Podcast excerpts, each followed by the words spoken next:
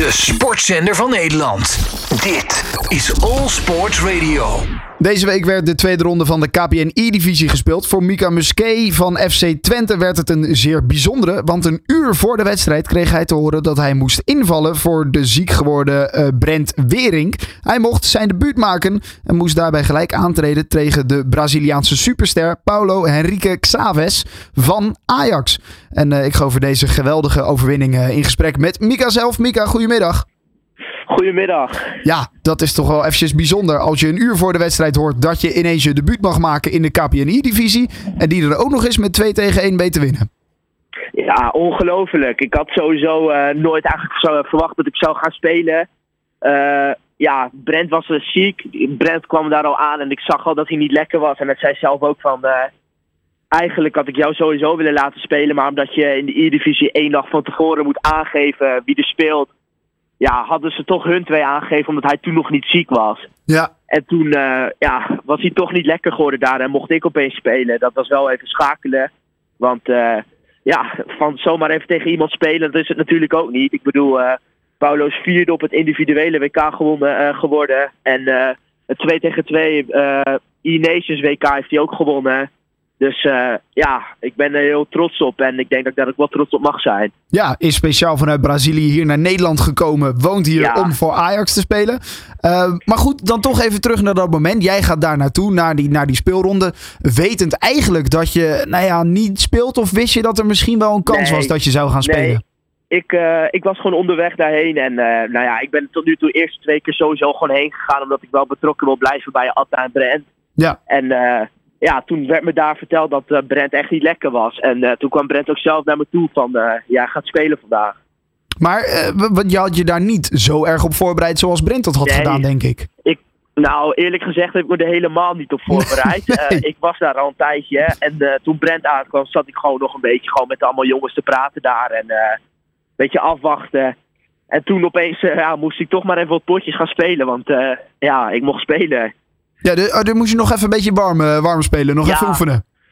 Ja, iedereen speelt eigenlijk altijd wel warm die uh, op dinsdag speelt. Dus uh, ja, dat was voor mij dan ook wel even zaak om dat te gaan doen. Omdat de zenuwen liepen wel een beetje op toen ik hoorde dat ik tegen Paulo mocht gaan spelen natuurlijk. Ja, snap ik. Maar goed, je voorbereiding is dus als je dat vlak nou ja, een uur voor de wedstrijd hoort... nog even wat, wat, wat, wat wedstrijden spelen. toch een beetje warm worden inderdaad. Heb je ook met Brent zitten praten wat zijn gameplan was om tegen Paulo te spelen? Heeft hij je tips gegeven? Ja, Brent heeft mij zelf nog een appje gestuurd. Uh, vond ik ook wel heel aardig. En ook wel een fijn gevoel dat ik het vertrouwen kreeg van hem. Maar uh, hij heeft mij ook een appje gestuurd wat, waar Paulo goed in is. En dat ik daarom moest denken. En uh, ja, van meerdere jongens wel gehoord wat zijn kwaliteiten zijn. En wat ik er tegen zou kunnen doen om het hem lastig te maken. En ja, dat heb ik gewoon geprobeerd zoveel mogelijk uit te voeren. Ja, had je daar wat aan? Wat zei je? Had je daar wat aan, aan die tips? Ja, ik heb daar zeker wat aan gehad. Want ik had uh, zelf nog nooit tegen Paulo gespeeld. Nou ja, op zich ook niet gek. Ik bedoel, hij is pas sinds dit jaar in uh, Nederland. Ja. Uh, ja, ik denk dat ik gewoon... ik, ik had wel natuurlijk een beetje nog even snel gekeken van wat, waar hij dan zo goed in was. En nou ja, hij kan bijzonder goed aanvallen eigenlijk. Heel snel aanvallen. Dus ja, mijn plan was eigenlijk wel gewoon om tempo een beetje uit de wedstrijd te halen. En dat is eigenlijk wel gelukt. Ja, precies. Merkte je die klasse van hem als nou ja, Nations League winnaar ook in het duo? Wat, wat voor klasse hij dus heeft? Ja, het is echt niet normaal. Ik bedoel, we moeten natuurlijk ook niet vergeten. Hij is overgevlogen uit Brazilië. Hij woont nu in Nederland. Dat het natuurlijk voor hem ook wel even wennen is om in een studio in Nederland te spelen. Met allemaal mensen met een onbeka onbekende taal om hem heen. Dus ik vind het sowieso heel knap dat hij dit doet. En nou ja, je merkt, je ziet echt wel, je kan heel snel zien aan iemand of iemand echt heel goed is, of dat het toch wel te doen is. En ja, ik merk eigenlijk wel heel snel van, oké, als ik dit potje snel in zijn snelheid meega, dan wordt het heel lastig. Dus uh, ja, je merkt echt wel dat hij uh, die klasse heeft. Ja, precies. Uh, jij wist dus gelukkig met 2-1 te winnen. Uiteindelijk is het ook een teamsport, ook bij de KPN-E-divisie. En verloren jullie uiteindelijk wel van Ajax. Um, ja, in, al, in algehele cijfers. Is dat dan toch een domper? Ja, nou ja, ik denk, ik heb met Atta van tevoren gesproken. Atta zei ook, laat je gewoon zien, doe gewoon je best. En we gingen er natuurlijk niet vanuit dat we zouden winnen van Ajax. Omdat je gewoon twee jongens in bloedvorm daar hebt spelen. En, uh, maar ja, als je dan toch die eerste pot met 2-1 wint. En je ziet dan dat, dat Atta al binnen vijf minuten twee dikke kansen heeft. Ook weer op de 1-0. Ah, dan begint dat vertrouwen wel een beetje te groeien. En dan is het een beetje ongelukkig wat het uiteindelijk, dat het uiteindelijk 6-0 wordt. Want Atta begon heel sterk. Maar ja, als Levi eenmaal in zijn spel komt en goals maakt.